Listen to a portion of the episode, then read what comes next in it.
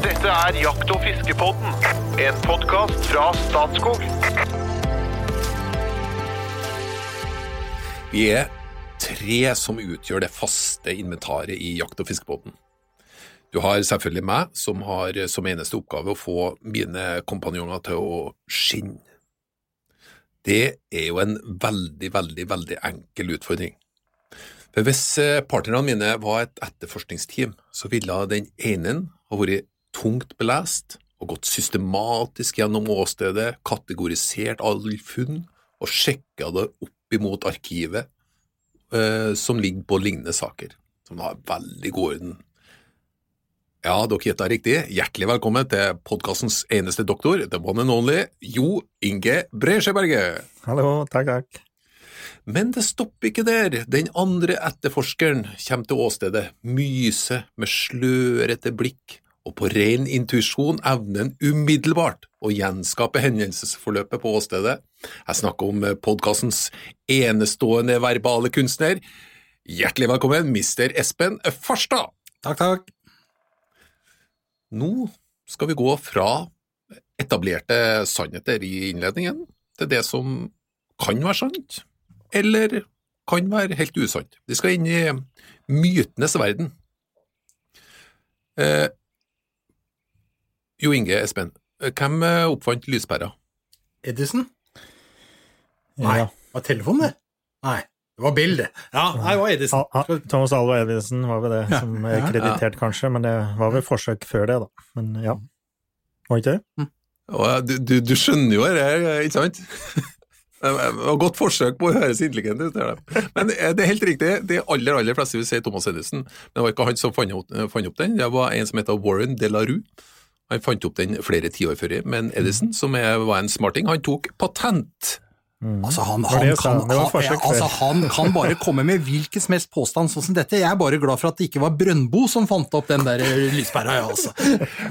Det her forberedelse kommer til sin rett, Espen.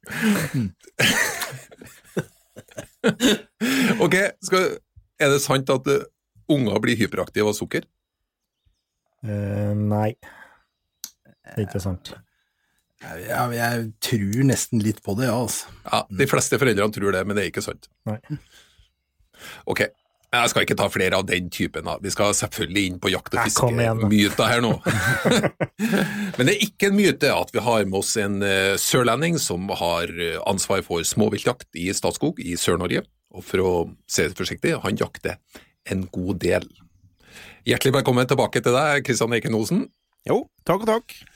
Du, hvordan fungerer det når du har med ungene på jakt? For at jeg får en del eh, Jeg vet ikke om det heter MMS lenger i, i dag, men jeg får en del bildemeldinger fra deg. Og ganske mange av dem er med noe fryktelig blide sørlandske unger som er med på jakt. Ja, stemmer det. De er, vi sørlendinger er jo generelt blide, da. Så, Ja. Og i hvert fall på jakt. Hvordan jakt er de med på? Nei, akkurat nå om dagen er jo mest rådyr, da. Vi er liksom i rådyrsesongen, men eh, det kan være elgjakt, og det kan være eh, rypejakt, beverjakt, revejakt. Det er veldig få grenser her for ting barn ikke kan være med på. Ja, har du med dem inni den eh, eh, bua di? Revebua? Ja, Revejaktbua? absolutt. Hvordan takler de det? da? Nei, det er jo med klare instrukser. Det går fint, det. Det Ja, for Du skal være relativt stille over relativt lang tid. Ja, det blir best når de har sovna, for å si det sånn, da. Ok. ja, de ser ut som Jeg, jeg, jeg er bra sikker på at du oppfostrer nye, nye jegere. Det er imponerende. All honnør til Kristian for det. Og Jo. har du hatt deg med å lokke, da? Jeg lokker kanskje ikke så mye, men uh, lokkerev, for eksempel, med unger, er ganske heftig. Du får reven tett på, det skjer noe, liksom, og du trenger ikke sitte veldig lenge, da. Det, det kan òg anbefales. Mm. Men du, Espen, du er Mhm. ganske god til å ta med familien på fiske. Ja, Spesielt på fiske. ja da, det er jeg. Jeg prøver å Jeg har jo drevet med noen tiårs indoktrinering her, jeg òg. Altså, de har jo De veit opp ned på ei haspelsnelle nå, ja. Ja, ja, ja, ja. Og du Inge, jeg tror det kommer noen jegere ut fra den eh, bondegården din nå. Jeg håper det. Den ligger til rette ferdig, i hvert fall. Mm. Så ja. Jeg setter Du, min lit til det. Ja, Kristian, nei, ja, hva sa ungen din når dere var på babyjakt? Nei, det, kan, høre, det, her var det han sa da. nei, du, det kan jeg faktisk ikke helt huske, altså. Jeg, det er tror jeg husker det, jeg. Ja, ja, jaha. Jeg, jeg husker at det har blitt uh, publisert på en viss video som har blitt uh, publisert et uh, visst sted. Jeg kan eh, ta det. Det, det var sånn Christian Eiken Olsen, kolon. Tror du det blir noe bever i dag, da? Ungen til Christian Eiken Olsen, kolon. Nei, vi pleier jo ikke å få noe. Å, det er så fint. Jeg hadde ikke hatt det på video. Så det hadde aldri blitt innrømt. Nei, han blir avslørt. Nei, han, år- han er åtte, da, så i år har han sin niende sesong på jakt, så han, er, han har jubileum til neste år, da. Ja. Så, så han har vært med siden han var eh, åtte, åtte måneder, cirka. Så han, eh, han, ja, han har noen gullkorn innimellom. Ja, men det ble jo faktisk skutt en bever der, og jeg har jo faktisk spist av den beveren. For det var jo ei beverskinke du har servert til oss i Jakt- og fiskepodden, faktisk. Det var jo enormt godt, så det kan jeg anbefale. Men vi skal nå inn på myter, som jeg sa. Og vi skal gå rett på sak. Eh, Det er en del, eh, Vi har fått spørsmål også fra lytterne, faktisk. Eh, Sånn at, Kan det være en god idé å henge jaktklærne ut i fjøset? Fordi at det begrenser menneskelukta og begrenser fryktinstinktet til dyra. Er det, jeg kan jo egentlig spørre, gjør du det du jo, Inge? Nei. Um, jeg har fjøs, men jeg har ikke noe dyr der som lufter, så det lufter diesel i så fall. Det tror jeg ikke kan anbefale. Eh, jeg har jo hørt det her før, jeg òg, og typisk eh, hadde fra gammelt av far min hadde åter og så satt i fjøsen, og så og skjøt ifra fjøset, ut av åtet. Men da var det mer for at det var eh, lyd og luft og litt bråk hele tida, og det var reven vant til derifra. Men jeg har jo hørt at folk har hengt klærne sine i fjøset, men jeg er jo ikke så glad i og luft og Q-Max, så for meg er ikke det noen ting, nei. Jeg prøver heller å begrense min egen odør, og ikke bruke parfyme, da, for eksempel. Ja, altså unaturlig lukt. Unaturlig luft, ja. Mm. Hvordan er Kristian? Hva tenker du rundt eh, lukt? Ja, jeg veit ikke. Hvis du, hvis du har uh, vinden feil vei, så uh, blir du på en måte avslørt uh, om du bruker parfyme eller ikke. Så, så jeg veit ikke altså, hvor mye en egentlig lukter, så lenge ikke det er ekstremt. da. Så, så er jeg litt i tvil hvor mye det egentlig har å bety. For er du har, blåser vinden feil vei, så blir du så, blir du avslørt uansett. Og blåser den rett vei, så ja, så, så blir du ikke avslørt. Nei, jeg har jaktet med alle avskygninger av jegere opp igjennom, da, og noen er jo litt mer kaldblods enn andre, og, og det er slik det er når det da lufter såpass mye parfyme og etterbarberingsvann at, det- at de er jegere på det, så tenker jeg at det er i hvert fall ikke noe pluss. Det er i hvert fall luft Nei. som råder og elgen reagerer på, når, når jeg, det er så mye at jeg liksom begynner å åhå, da reagerer i hvert fall elgen på det, det er jeg helt sikker på. Ja, Mm. men det er jo om å gjøre jo ikke stille seg i den posisjonen at det skjer, da. Men eh, du må jo begynne å lure når du kommer ut, når, du, når det er en eh, gammel Hilux som åpner døra på morgenen, og det oser Wunderbaum ut, så det kan jo umulig være positivt. Nei. Men trikset mitt er jeg skaver opp Tiri- Tiri-fliser. det lufter du greit av Tiri. Hadde noen laga parfyme av Tiri, da skulle jeg kjøpt den med en gang. Så jeg har Tiri-luft i bilen min, og da er jeg i godt humør. Jeg bare åpner der. Det er mye bedre enn Wunderbaum, altså. Tenker du på det når du er på hjortejakt, Espen? Ja, men, eh, eh, men eh, nå er ikke jeg så parfymeopphengt som Breisjeberget, så det bruker jeg ikke. sånn at det, det i fare. Nei, du, jeg, jeg, det er klart at altså, lukt er viktig.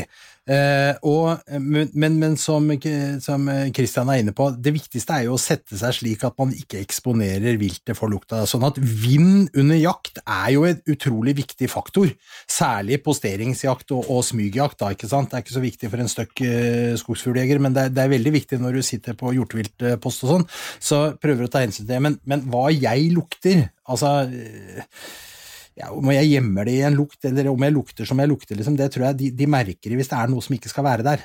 Så det er, det er prøv, om å gjøre å minimalisere det, da. Og det, er jo det er jo det som er, da. Å minimalisere det. For det sitter på si drivjakt om det er hjort eller elg, og så vil du helst at hundene skal ha best mulig vind, så hundene skal jo helst gå mot vind. Og da blir postrekka ofte sittende med vind i ryggen. Få Da må du sette deg litt høyt, da, vet du, eller finne på Yep. en eller annen sånn, eh, noen, sånne småtriks som Det gjør er at å minimalisere det, ikke sant? og da skal vi ikke overdrive fremmedluft heller. Altså det er om å gjøre å lufte minst mulig, og en av de greiene er å faktisk sitte stille, da. Da avgir du minst mulig luft. Ja, det er. Gå til post, sette seg ned, eller sitte dønn rolig, så lenge du kan, da, ikke sant. Og helst da, som Espen sier, litt høyere enn dyra. Der er, jo, der er jo andre, sånn som håndtering av fangstredskap, da, eh, som er ganske Som er litt sånn lik, likt, da. At ikke fellen henger i, i, liksom i, et, eh, i en garasje der det lukter olje og diesel, eller at eh, de blir håndtert med bare menneskehender. Og, og der er det jo veldig stort poeng, da. At en ikke håndterer ei beverfelle, for eksempel, med bare hender før en setter henne ned, etter å ha hengt eh, åtte måneder i, i en dieselluktende garasje, mm. for eksempel. Nå har vi jo eh, smågnagerår her, det er fryktelig mye smågnager her på Østlandet akkurat nå. Og det, jeg leste en rapport, det var å teste det faktisk, at eh, møssen reagerer på menneskeluft, og når du setter opp vanlige rapp, like klappfeller, så går det vanskelig å få til å gå hvis det lufter mye mennesker til fella. Ok. Ja. Vi snakka litt om bålrøyk på post tidligere, og ja, bålrøyk det er ikke menneskelukt, sånn at det var vel litt enige om at det var kanskje innafor. Eh, konklusjon? Jeg tror at vi ser at uh, gjør det du har trua på, for uh, hvis du beholder trua, så er sjansen større. Men, men, men det er viktig å prate litt om lukt på fiske også. For nå var vi Ja. veldig jaktorientert. og det, eh, altså Fisken har jo en, en fantastisk luktesans. luktesans. Eh, Generelt. Og, og generelt god luktesans. Og her fins det jo mange myter og rare ting knytta til dette. her, sånn, ikke sant? Bare det å spytte på marken, for eksempel. Er det en sånn luktegreie? Eh, og hvorfor skal man gjøre det? Skal marken ikke lukte mark, men lukte menneskespytt, eller gud forby snus og det som verre er? Jeg, jeg, ja, dette er noe rare dette er noe rare greier. Jeg har ikke noe, har ikke noe godt svar på det, men jeg har selvfølgelig en limerick om det. Det har jeg, for du må jo bringe kunsten inn her også. Ah, ja. Akkurat. Nei, det handler Det er egentlig litt eh, Ja, det er, det er en limerick. Den er litt, eh, det er et lite nødrim på slutten. Dere får bære over med meg på det, men eh, Ja ja, det gjør vi alltid. Det helt, vi kommer aldri til å nevne det. Nei, det er bra. En, eh, en bilende fisker fra Stord hadde planlagt litt ørretmord. Men bensintanken lakk og fisken den stakk, for han stinka som en gammel slitt Ford.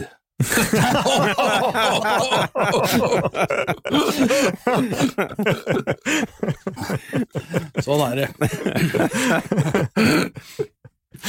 Men er du, er du forsiktig når du tar på, på Ja, du, flua da hovedsakelig til deg. Nei, jeg, jeg, jeg er ikke det. Og, og, for at, og særlig fluefiske, sånn som jeg bedriver, er jo et visuelt fiske. Dette er jo noe som fisken ser og stiger opp til, ikke noe som den snuser seg fram til. Men de som fisker, særlig sjøfiskere, da, er jo veldig glad i å, å bruke agn som lukter, og det er jo ikke noe tvil om at det å bruke eh, feite fiskearter som sild og sånn for eksempel, som agn, det fungerer jo veldig bra. Der er jo helt opplagt lukt inn i bildet. Dette er det jo ikke noe tvil om. Eh, og de som fisker større fisk, makrell større for den saks skyld, bruker, legger ut luftspor og holder på, ikke sant. Sånn at det, dette virker. Og du kan jo kjøpe agn i butikken med kunstig, altså disse storm og gulp og hva de heter, alle disse her, ikke sant, med ferdig lukt Med og så videre. Så, ja. ja, ja. så det, dette er et element. Men om det er lukter du for all del skal unngå å bringe med deg ut på fiske, det ja, Jeg veit ikke. Jeg vet ikke.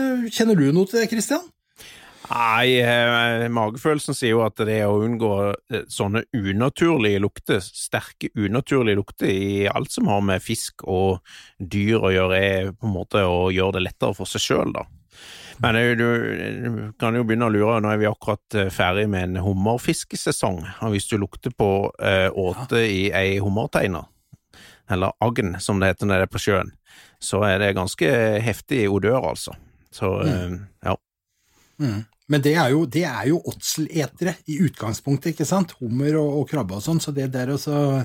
Og, og jeg har jo hørt at hummerfiskerne de bruker mer bederva eh, agn, jo bedre er det, for da får du til slutt bare hummer og ikke krabber.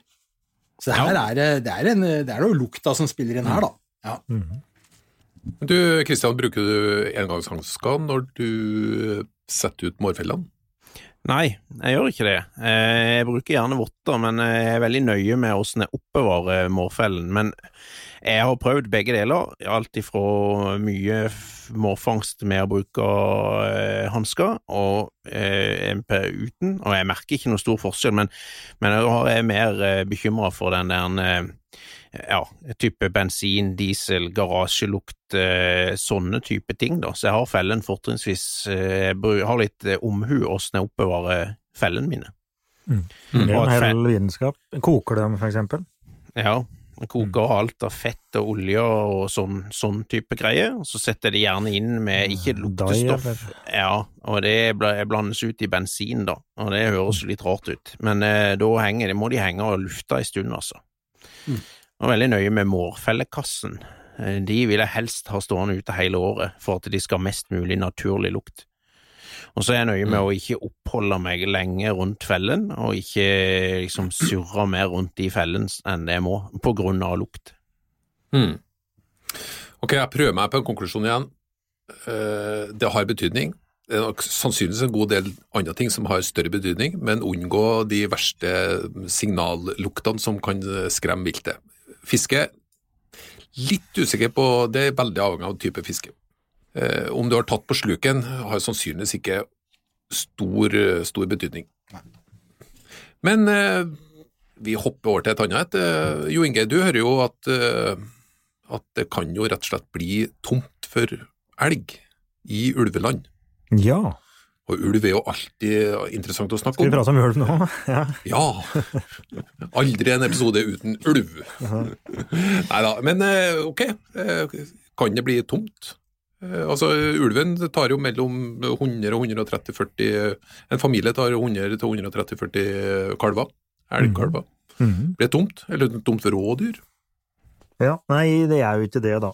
Eh, Jeg får høre dette stadig vekk, og typisk fra litt eldre jegere og jaktere som har vært med liksom på hele oppturen og jakter uten ulv, og husker tilbake da vi skjøt gærmye elg opp igjennom, ikke sant? Også nå deler vi i ulvesona som jeg bor, da, så deler vi jo eh, elgen med ulven, og den tar en betydelig del av dem. Og det gjør at det er mindre elg å skutt på. Vi har mindre elg enn det vi liksom, bæreevner, da. Vi kunne hatt mer elg, slik strengt tatt, i mine områder nå. Og da får jeg høre det nesten dagstøtt, da. At uh, blir det mer ulv nå, så blir det tomt for elg, eller tomt for rådyr. Men nei, det gjør ikke det. For det første så er ulva territorielle.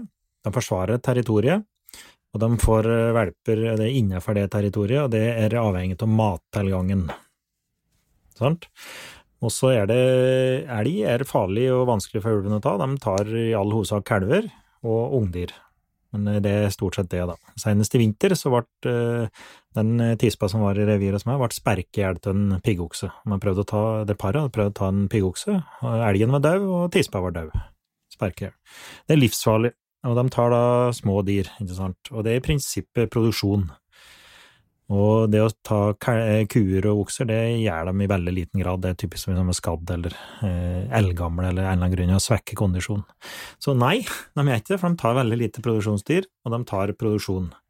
Og det er jo prinsippet det vi òg må gjøre da, i ulveland. Vi må tilpasses det ulveuttaket, og så skuter vi òg kalver og ungdyr, i all hovedsak kalver. Så vi må dreie uttaket, og vi må begrense uttaket vårt. Men vi kan jakte fortsatt der, og ulven jakter fortsatt der, og det, er, det blir ikke tomt for elg. Det bare blir mindre elg, for det, det er rent tell i matfatet. Så vi kan eh, legge den død, det er ikke det de sier på TV-en. Det, det, er vel fortsatt bare mennesket, den eh, pattedyrarten, som utrydder sin mm, si, eksistensgrunnlag. Da. Så det her er jo et, det er jo et, eh, en balansegang. Hvis det bare hadde vært ulv der, så du får en eller annen balansegang da, mellom rovdyr og, og de som blir etter. Så nei. Mm. Men eh, når vi er inne på, når vi er inn på dere eh, Hjorten er jo i utvikling, og, og den sprer seg. Hva skjer med rådyrbestanden og elgbestanden når hjorten kommer? Nei, det som vi ser på eh, i Agder, da, som er best kjent i forhold til det her, så er det kanskje mest relevant med hjort og rådyr. Eh, I den perioden der hjorten har gjort sitt hovedinntog i på det blide Sørlandet, så, er, så har det vært ganske tynt med elg, særlig på kysten. Og da er det egentlig rådyr som har hatt eh, områdene i, langt på vei alene, så har hjorten dukket opp. Og i eh, de områdene der det blir veldig tett med hjort, så finner vi lite rådyr. Eh, I hvert fall betydelig færre. Så der ser det ut som det har noe å si, da. Det ser ut som det har en eller annen effekt, men om det går på tilstedeværelse eller matkonkurranse eller eh, det Ja, det, vet, det skal jeg ikke si. Det, det betyr det, det, var, det var overraskende å høre, syns jeg, Kristian. For at jeg eh, drar hvert år eh, opp på Nordmøre eh, til Sunndalen og, og jakter hjort der oppe. Og rikere rådyrområder enn det har jeg nesten ikke sett, og her mysser de med hjort. Så her er det begge deler i, i rikt monn, altså. Så jeg vet ikke, om, vet ikke om du er en mytebygger nå, eller, eller, om er, eller, om det er, jeg som Jeg vet ikke, men min ringe kunnskap om det er at hjort og rådyr egentlig går bra sammen. Det kan hende at det har noe med den generelle mattilgangen òg. Det er ganske betydelig når det er mye gjort i et område, så, så det må ha noe å si. Ja, det er vel generelt da, det, at du får ingen art. Hos Christian eh, på Vestlandet, der du gjør, så har vel de eksistert sammen ganske lenge. Mens eh, hos Kristian så kommer du av hjorten inn som en ny art, så det kan jo hende ja. det vil tilpasse seg da, over tid. Mm. Og så er det jo slik at når du får inn en art, så er det sjelden at du får dobbelt opp. Det må, det må jo nødvendigvis få noen konsekvenser. Det er jo, de er jo, det er jo betinget at det er nok eh, føde til begge arter, da. Ikke sant? Og har de samme har... beitegrunnlaget? Nei, men vi, i den grad de har samme beitegrunnlaget, så har det ja. noe å si. Og så er det sosial struktur, da. Ikke sant? Hjorten er en veldig sosial art. Går typen bukk med et harem til hinner og som òg har med seg kalvene sine, ganske sosiale, og sosiale type på vinteren, vinterbeite. Mens rådere er mer eh, einstøinger, da. Ikke sant? Og så er hjorten stære. Det er jo litt sterkt først her òg. At uh, I den grad du opptrer på samme sted, på bøen for eksempel, veldig mye hjort går jo ned og beiter gras, og så kan rådere være der og finne kløver og urter og det, da er det sterstemann som bestemmer. Altså, slik, slik er det nå bare en gang i dyreverden. Uh, og da kan den ene jage den andre, eller at de ikke trives i lag, da. Altså for at den får gjort noe mer sosial. Så det er litt forskjellige mekanismer, da. Mm. Og hjort i Elgeland, det vi har jo fått hjort gjort her på Østlandet, det jeg bor av, inn i ulveland til og med. Og det var jo uh, Skogeiere vil typisk ikke ha hjorten her, pga. skogskader. Men, uh, og det ble jo sagt at hjorten fortrenger elgen, da. Men det er ingen eh, klare indikasjoner på det. Altså elgen og hjorten går forholdsvis greit i lag, og de er da i atskilte områder. Og hjorten trekker òg typisk til vinterområder. Og de behøver ikke være der han er på høsten, og de kan være langt, langt unna og gå på egne vinterområder. Så, så jeg kan ikke si at eh, den ene eller den andre har fortrengt hverandre, og de er heller ikke direkte matkonkurrenter. Ble svaret både ja og nei her nå? Både i, det kan, det kan være både ja og nei. Ja, det kan være både ja, ja og nei. Mm. Ja, så det er ikke en, ikke en myte at hjorten fortrenger elg og rådyr? Men, Nei, ikke om de fortrenger, men at de ikke nødvendigvis går oppå hverandre. Ikke sant? Mm. De, eh, for at de har forskjellig sosial struktur. De, den ene er mer sosial enn den andre, da. Så mm. de vil være ikke være i hverandres selskap. De trenger ikke det. Dere er jo veldig interessant å snakke om uh, villsvin òg, og det skal vi gjøre i en annen sammenheng. Men du, er elgen flukter? Når jeg kjører, så kan jeg se ut på innmarka, så står det en hel haug med elg i lag. Ja, hvis, hvis, jeg skal svare på det, så er nei, han er ikke i utgangspunktet et flokkdyr. Eh, det er ikke rådyr heller, men eh, når du kommer eh, seinhøstes og vinteren, når du er over på sparebluss og det er lite kjønnshormoner i sving, da aksepterer de Da, da tåler de altså at bukker kan gå sammen, eksempel. Eller at de, kan, de er ikke så aggressive mot hverandre. Da, nå går vi på sparebluss, det er bare om å gjøre å overleve. Da kan de gå sammen i flokker. Og elg på vinterbeite, eksempel, kan opptre i flokker. Jeg har sett bilder av 40-50 elg som går etter hverandre, f.eks. til et vinterbeiteområde. Så ja, da kan de opptre. Men det er bare at de da utviser mindre aggresjon overfor hverandre. De er ikke i utgangspunktet et flokkdyr. Men det kan, vil jeg nesten tro òg har noe med at eh, det som de, den enkelte individ er opptatt av, ikke finnes på et sted, eksempel en rundball eller et jorde, eller at eh, de er på vei til noe, og så, og så havner de mer tilfeldig sammen av den grunn. Jeg tror ikke de oppsøker hverandre som, eh, med, med viten og vilje, da. Nei, slik som elgen da, som står i et vinterbeiteområde, de er jo kjent fra lang tid tilbake. Type her hos meg så er det områder med lite nedbør, lite snø og mye furu. Og at de da oppsøker de områdene, og da går sammen. Mm. Mm. Vi skal snart eh, over på en fiskemyte, eller fiskeproblemstilling. Eh, men ta, vi, var inne på hjorten, men det er òg sau i en del områder som, er, som noen reagerer på, og, og mener at det kanskje fortrenger f.eks. Rådyr. Er det noe i det?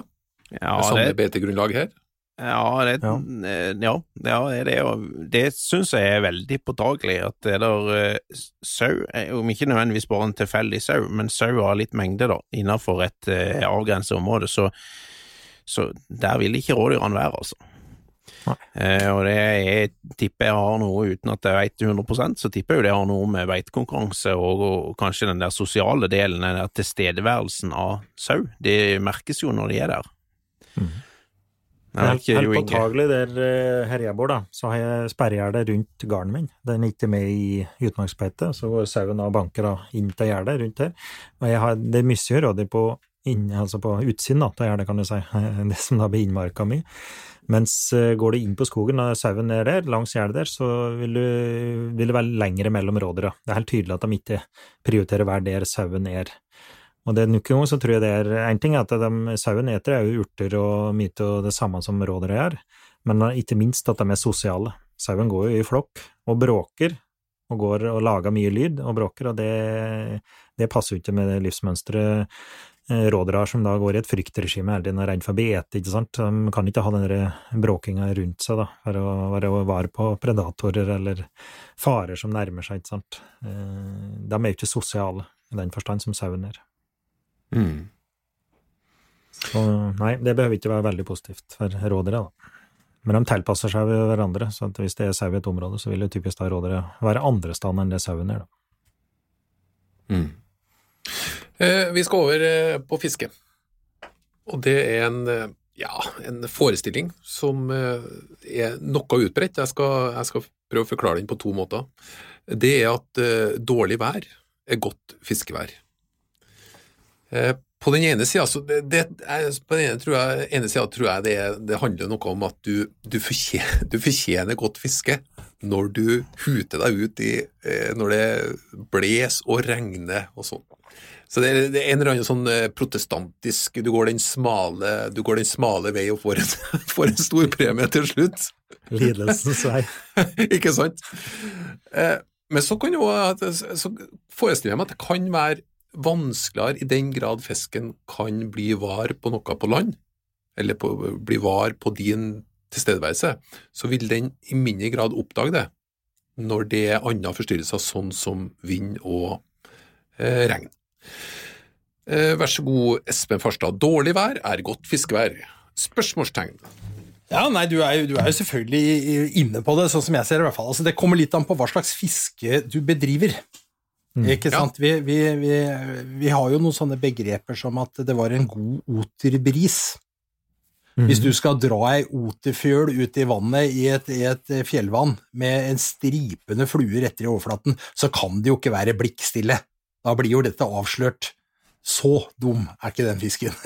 Men er det litt oterbris, ja, så er ting litt annerledes med en gang. Du kan skjule mye i dårlig vær, som du er inne på, og det tror jeg gjelder mye. Altså Hvis du går på fjellet og det blåser litt og sånn, og det å stelle seg på den siden hvor, vinden, hvor du får vinden midt i trynet, og fiske, så vil du ofte finne mye fisk. Én ting er jo at vind skaper bevegelse i vannet, eh, som også skaper bevegelse på byttedyra, sånn at fisken på en måte blir mer aktiv. Det er nesten som strømmen i saltvann. ikke sant? Altså Det skaper liv og bevegelse, og det skaper aktivitet mm. på fisken.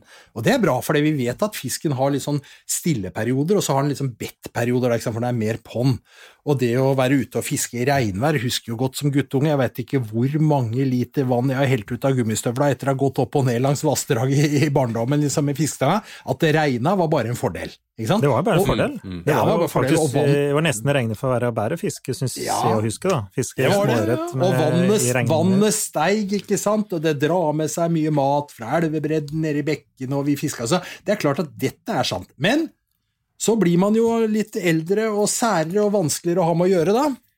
Så, og sånn som jeg som da er blitt en imitasjonsfluefisker, jeg vil jo bare fiske på fisk som spiser, og som jeg ser, og da vil jeg ha så fint vær som mulig. Og det er klart at det er vanskelig, jeg er helt enig i det, men det er jo nesten litt av poenget med hele fisket. Det skal være litt vanskelig, det skal være litt utfordrende å drive med dette. Så jeg vil ha finvær. Så for meg er det ikke dårlig vær som gjelder. Men, men, men dette er jo Det er helt opplagt at du er inne på noe der med det der at både er det lettere å skjule seg som fisker i forhold til fisken når det er dårlig vær, og så tror jeg også på den andre innledningen din om at uh, har du vært ute og fiska i dårlig vær, så du, fortjener du jaggu å få litt fisk òg. Det er sant, det, altså. Jeg tror på det. Jeg husker det, det er like barndomsminner. det Fisje småøre, liksom, backøre, og det, da det regnet da, det var stort sett bedre fiskevær da, altså. Det var det. Og så all på den- all den knetten, da. Å gud hjelpe meg, mye knett. Ja, vi er jo har svart belte i knott her, da, så det er klart eh, vind og litt sånn eh, Bare ikke det er y vindstille og yr, så Ja. da er liksom knottevær. Men eh, hei, litt, eh, litt vind, og gjerne litt nedbør, men særlig at det er lite grann vind. Eh, bruker som regel å, å være bedre, altså. Mm. Men aldri nordavind. Ikke nordavind. det Aldri nordavind. Ah, nei, stort sett da- dårlig, i hvert fall. Kan du bare gå hjem. Og, og ebberen, eh, den kan òg være litt like humørsjuk, at han typisk biter bare når det er fint vær, Men du veit hvorfor? Han er Den har sur luk- og grinete. Nei, du skjønner at fisken regulerer jo sitt indre trykk opp og ned i forhold til vann. Ikke sant? Du vet at altså ti meter i vannet, da har du én atmosfæres trykk. Så det skal litt til for en fisk å bevege seg fra overflaten og ned, da må den justere seg, og til det så har den svømmeblæra. Når du har rensa en fisk, så har du sett det, ikke sant? Og dette justerer jo fisken opp og ned. Men abboren har et lukka svømmeblæresystem som gjør at den, den klarer ikke så raskt som andre fisker å justere trykket innvendig sånn i forhold til det. Så når det kommer lavtrykk, så blir den praktisk talt trøkka ned mot bånn, og, og ligger der nede med litt stor underleppe og, og venter på bedre vær, rett og slett, før den blir aktiv igjen. Så han blir litt passifisert av lavtrykket, rett og slett. Jo Inge, jeg er ikke sint nå, jeg er bare veldig veldig skuffa, for dette har vi hatt en, en egen episode på Jakt- og fiskepodden. Godværsfiske, det er abborfiske. Ja. Vi hadde jo med Øyvind Fjellstad, han gikk jo gjennom det her. og ja, men Det var ikke et spørsmål, jeg bare sa at ebberen er not, eh, not, Vi typisk noterer oss det der, Espen. litt mer godværsfisk. Men, Ja. men, men nordavind syns jeg vi skal det, det må vi liksom For det er egentlig ja, Hva var det? ja, hva er det? Det kan du spørre om. Men altså, når det blåser nordavind en ting er jo at det er jo en, Når, når nordavinden er rådende vindretning, så er det på en måte kaldt, er det kaldt og dårlig vær som kommer. Det veit vi jo, ikke sant? Det stimulerer jo ikke insektliv, klekkinger Så det, det er mye som måte spiller negativt inn på fisk. Nå snakker vi ferskvannsfiske, da. Eh, Men, men selv i sjøen så er det jo sånn at nordavind gir dårlig fiske. Så, så det, det, er bare, det er en sannhet. Det er mulig det er en myte, men for meg er det en sannhet. Mm. Inntil noen protesterer. Nei, men det, det er bra. Eh, En liten sånn eh, litt sær ting, da. Eh, Er det sånn at man må skjære bort kjønnsorganene, altså stellet på et hanndyr, for å unngå at kjøttet blir forurensa? Nei, heller tvert imot, vil jeg si. Det, kjønnsorgan og stellet er jo, et, det er jo i og for seg et lukka system, da. Og du, jo mer du begynner å skjære, jo større er sjansen for at uh, urin og den slags begynner å lekke, og i tillegg at uh, ja, det når man ser folk gjøre det, så skjærer de jo som regel ganske raust, da, og det blir mye eksponert uh, lår, for eksempel, som da igjen blir utsatt for ja, bøss, blod, Forurensning. vom, forurensning generelt, ja. Så eh, la det være til du kommer hjem igjen. Men du tar jo ut Åpne minst mulig, egentlig mantraet her, da. Altså, hvis du Jo, kan, men du hvis tar jo, du, du tar jo ut innvollene. Og da må du jo på en eller annen måte eh, kutte dette lukka systemet. Ja, du skjærer jo eh, du, du skjærer jo forbi, og når du velter ut vomma, så er det urinblæra og ut er jo tett. Du jo ikke, skjærer jo ikke sunn urinblære når du tar ut av en elg. Du, du stripser typisk, eller uh, melker eh, termen, da, så at det ikke kommer noe fra termen ut. Den må du ta av. Mm. Mm. Hvis du ikke tar uh, endetermen, da. Ja, så la den være. Ok. Absolutt, men det er nok av de bildene der en ser at det, de fineste delene av låret er eksponert og klart for bøss. Mhm. Ja. Men er vi, mens vi er inne på det, det er en del som eh, mener at du, du må flå hjorteviltet samme dagen som du skjøt det. Okay, Er det, det riktig? Ja, Det er veldig vanlig at folk gjør det, da, men ofte så er det jo heller Det er ikke alltid, men ofte så er det jo bedre å la det mørne med pelsen på. Det er ikke fryktelig vanskelig å få det av etterpå. Nei da. Men det er, lettere, det er jo lettere når det er varmt. Det er jo derfor folk ofte altså er vant til det, da. Så du skuter til dyret og har med det, og så tar du det til slakteby, og så flår det, da. Det, det er jo enklere å flå en elg når den er varm. Men, eh, men den har har har det kaldt i været, for eksempel, så vil da hengen med pelsen på vil da hjelpe at nedkjølinga ikke går for fort. Hvis du river av frakken av en elg, og det er mange kaldegrader ute, så kjøler du ned elgen for kjapt, hvis du ikke har et kjølerom der du har kontroll på temperaturen. Du har en låve eller løe eller et eller annet som er åpent, da, da kjøler du ned for kjapt. For ikke å snakke om rådyr, da, som gjerne skytes i desember eller og, og henger ute og mørner i en, et uthus eller en garasje, og så er det minusgrad eller rundt null på natta, og så, og så får du kuldeforkorta kjøtt. Eh, I tillegg så med å ha pelsen på, eller skinnet på det, så beholder du jo mer fuktighet i slaktet, da. Har du kalte det? Kuldeforkorta kjøtt? Mm. Ja. Hva er det for noe? Nei, det er jo i For å ta kortversjonen, så er det når det blir kjølt ned for fort, så stopper mørningsprosessen, og så får du ikke kjøttet mørt igjen. Så det skal okay. holde tolv grader første døgn, sånn cirka ti-tolv grader første første tolv timer, minst. da. Hvordan opplever du når du spiser? Seigt? Det blir skosåler. Ja, det er helt ja, det er en enkel måte å ødelegge ellers eh, fin steik på. Mhm. Ja. Typ klassisk eksempel, du jakter elg, nå er det jo utvidet jakt, ikke sant, til jul, og du jakter, skutter en elgkalv i desember, og det er ti kaldegrader ute, du henger opp på den der, får ton frakken, den damper tå, veldig varm, og så blir den eh, klakeren i løpet av natta. Da har du, har du et ypperlig slakt som du har klart også å gjøre segt som en skåsule, da. For, for mye kjøttdeig, da. Men det, det som er, det som er Eller viktig kan du koke den? lenge. Eh, det som må sies er jo at er det, er det derimot veldig, veldig varmt da, tidlig i jakta, så kan kjøttet bli for, hold, bli for varmt for lenge, og da er klart, da er jo, da må jo store dyr flås da. Mm. Så, så unge dyr, typisk ungdyr, kalver, da henger ofte med elg, da, henger ofte med pelsen på, men da må det være litt kjøligere i lufta. Rådyr henger stort sett med pelsen på. Og som jeg Kristian sier, tidlig i jakta, når det da er varmt i været, da, da går, blir det varmt, da, med fraken på. Da, må vi, da er det jo heller at du ikke får kjøle det ned, da. Ikke sant? Nå Mm. kan du risikere å ødelegge det med å henge det, for det blir hengende og blir, rett og slett blir surt. Kan du risikere det. Mm. Så det har litt med temperaturen og forholdet å gjøre. Mm. Ja, men apropos flåing, eh, det er godt bedt når det flør. Nei, det var ikke noe apropos i det hele tatt, men det var et år. En overgang til deg, Espen. Nå, vi, snak, vi starta denne episoden her med et, et limerick med nødrim, men nå snakker vi nødrim!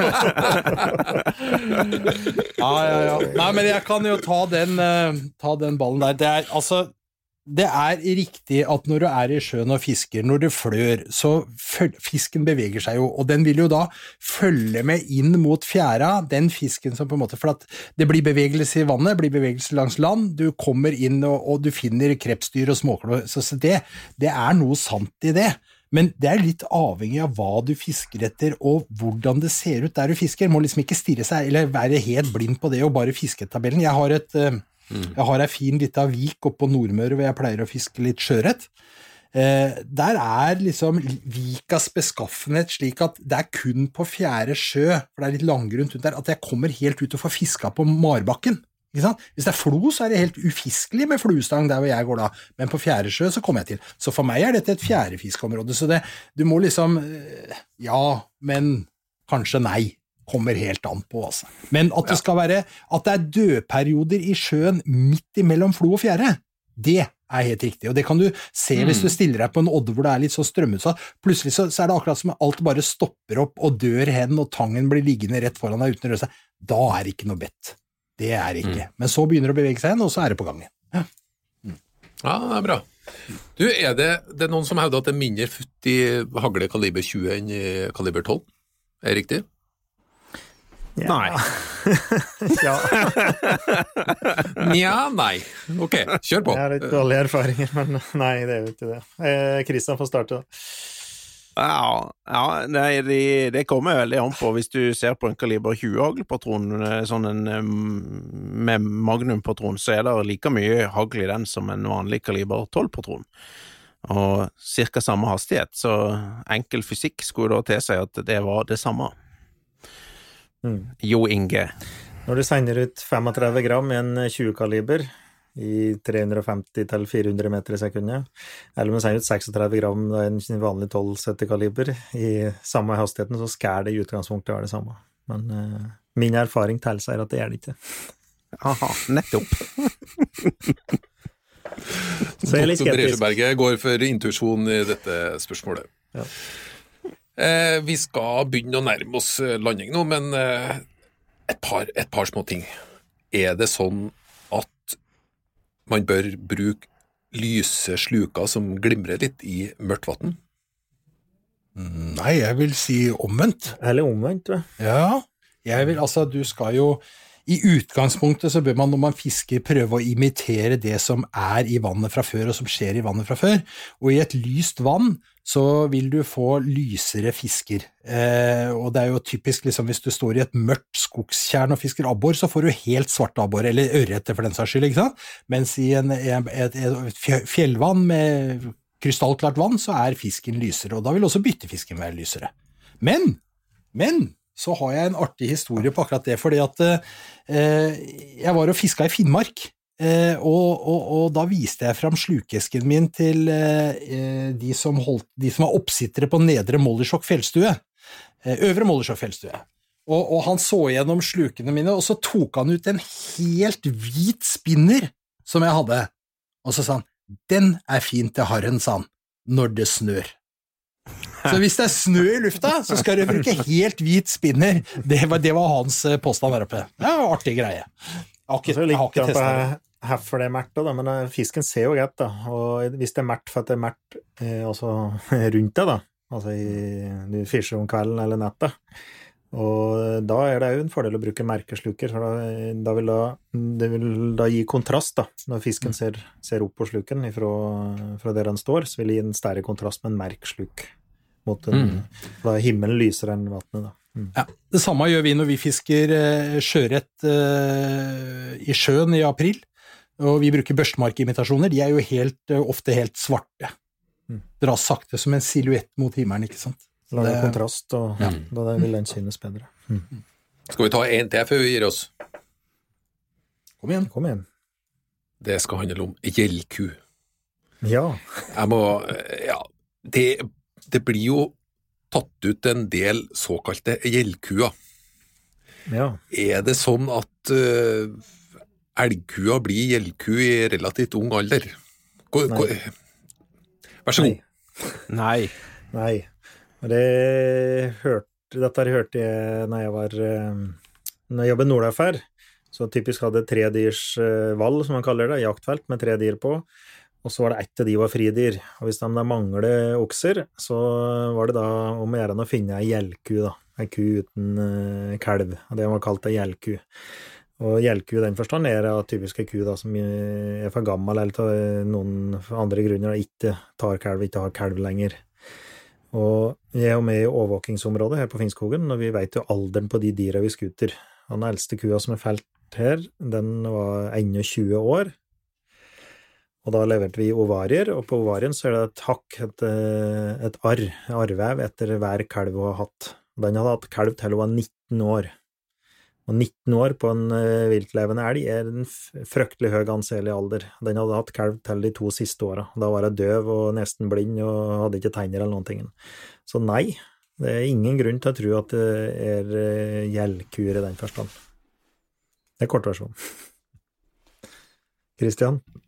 Ja, jeg, jeg har ikke så veldig mye eh, annet å, legge til, annet enn at det, det at ei ku ikke har Ei ku kan jo Ei voksen ku kan jo la være å ha kalv, om man kan si det sånn, men det er jo helt andre grunner, da. At, eh, ja, at du ikke har hatt kondisjon eller overskudd nok, da, for eksempel. Eller eh, at kalven har daua på et tidlig tidspunkt, da. Men eh, gjeldku per sånn elgmedisinsk forstand, det det, det fins Det er ikke rot i virkeligheten, eller knappast, da. Nei. Og klart, i ulveland vil det være mye kur uten kalv. De kunne da vært betegnet gjeldkur, men det er jo ikke det. Det er jo at de har mistet kalven, da, typisk. Og det er jo vist uh, senere forskning at uh, kuer som er i sin beste alder, beste kondisjon, og har tvillingkalver, kan hoppe over et år. Det er såpass stor belastning det året de har uh, tvilling, at uh, de faktisk har et hvileår før de begynner på igjen. Da er de typisk en tvelling at det er etter, da. Men uh, det er ikke helt uvanlig heller med at de faktisk står over et år. Ja, det er, Så langt på vei så er jo det der kondisjonsstyrt. Er de, er de normalt uh, i normal hold og kondisjon, så, så, de, så, så blir de drektige, og så kan jo den kalven daue. Mm. Nei, da skal vi rett og slett gå ned for landing. Eh, dette var jo faktisk ganske artig. Eh, veldig ulike typer myter, skråstrekk-spørsmål som kommer opp. Eh, mye som vi har fått inn fra, fra lytterne. Eh, og ta gjerne kontakt med oss eh, om dere har flere tema eller innspill som dere ønsker at vi skal ta opp. Nå nærmer vi oss med stormskritt 100 episoder i Jakt- og fiskepodden. Det betyr at hvis du tar deg tida til å verve noen inn i Jakt- og fiskebåten, så har de en ganske stor verden som de kan eh, kose seg med. Det er mange som ikke eh, kjenner til hvordan du finner det. Du finner oss både på Apple Podcast, for dem som har eh, iPhone f.eks., eller eh, Spotify, eller du kan gå inn på nettsidene. Du finner det både via statskog.no og njff.no. Så finner du podkasten og kan spille av rett i nettleseren. Og selvfølgelig så ligger vi på sosiale medier på Facebook og Instagram. Så vi prøver å være overalt, og enhver eh, podkastspiller, der skal vi være. Det vi avslutter med hver gang, er hot or not. Og jeg må jo alltid spørre, er dere klar? Ja. Ja da. Ja da. Det var kontant. Og sørlendingen litt etter, da. Kristian, er vi på? Ja. Ja. Frysetørra kaffe, hot or not? Not. Not. Not. Det var not på alle tre. Formuesskatt, hot or not? Not. Hot. Nå må jeg faktisk høre. Uh, Hot. Jo Inge? Hot. Espen? Jeg var hot. Kristian? Not. Ok, interessant. Langsjakk, hot or not? Hot. Eh, not. Not. Det var not på Kristian og Jo Inge. Espen, hot. Lynsjakk, hot or not? Hot. Hot. Ah, hot. Under tvil. Det var tre hot. Ah, ok, nest siste, før vi går ned for landing. Skuddpremie på rev, hot or not? Ja, hot. Not. Not. To not og Christian hot. Og da tar vi en hot til slutt. Det er den sagnomsuste DDE-låta. Du må kysse noen frosker, hot or not? Nei, not. not. not. Beklager. Jeg var Det var hot på Beklager. alle sammen! Takk, Takk for følget, og velkommen tilbake neste fredag.